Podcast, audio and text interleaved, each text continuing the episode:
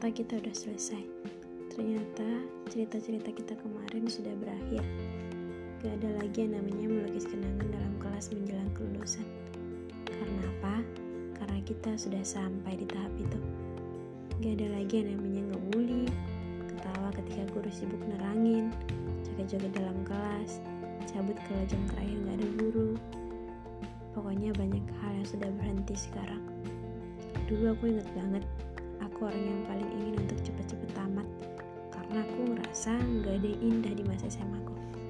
Sampai pada akhirnya, semesta kasih kami kesempatan untuk bisa merasakan kebersamaan dalam satu kelas. Karena kemarin corona, jadi waktu kami benar-benar singkat dan sedikit. Gak ada apa-apa rasanya.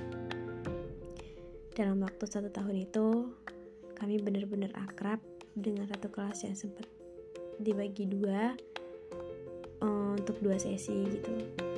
Di situ kami baru mulai merangkul, mengenal sifat satu sama lain, dan saling mengakrabkan diri. Ah, pokoknya panik deh ketika tiba-tiba udah tamat aja. Kelasku namanya 12 IPA 2.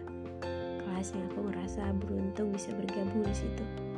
Mungkin kalau ditanya ke kantor, kelas siapa yang paling terkenal buruknya? Mungkin kelas kami. Guru-guru bilang suka gibahi guru, tapi di saat sekolah punya kegiatan kejuaraan, kegiatan pertunjukan untuk masing-masing kelas, kami yang paling bisa maju untuk selalu menampilkan yang terbaik. Kami masuk 32 orang dan di pertengahan setelah beberapa struggle terjadi, perlahan satu-satu gugur dan sekarang kami keluar 28 orang. Untuk 27 orang, kalian perlu tahu kalau kalian adalah cerita yang gak ingin aku akhiri. Kalian adalah buku yang gak ingin aku selesaikan membacanya.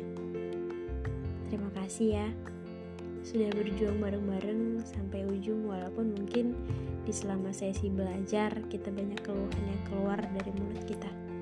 Banyak kata males sekolah, males belajar kimia, males belajar MTK, males masuk sekolah setelah sholat Jumat. Selamat berjuang teman-temanku. Selamat menentukan pilihan hidup. Mungkin ini sebenarnya awal pendewasaan kita. Makasih sudah selalu menghibur, sudah selalu menyenangkan sampai akhir perpisahan. Aku selalu berharap kita nggak asik, kita nggak saling ngelupain. Kita boleh jalan masing-masing, tapi cerita kita kemarin tetap harus menjadi diari kita masing-masing. Oke? Ternyata benar kata orang, masa yang paling indah adalah masa SMA.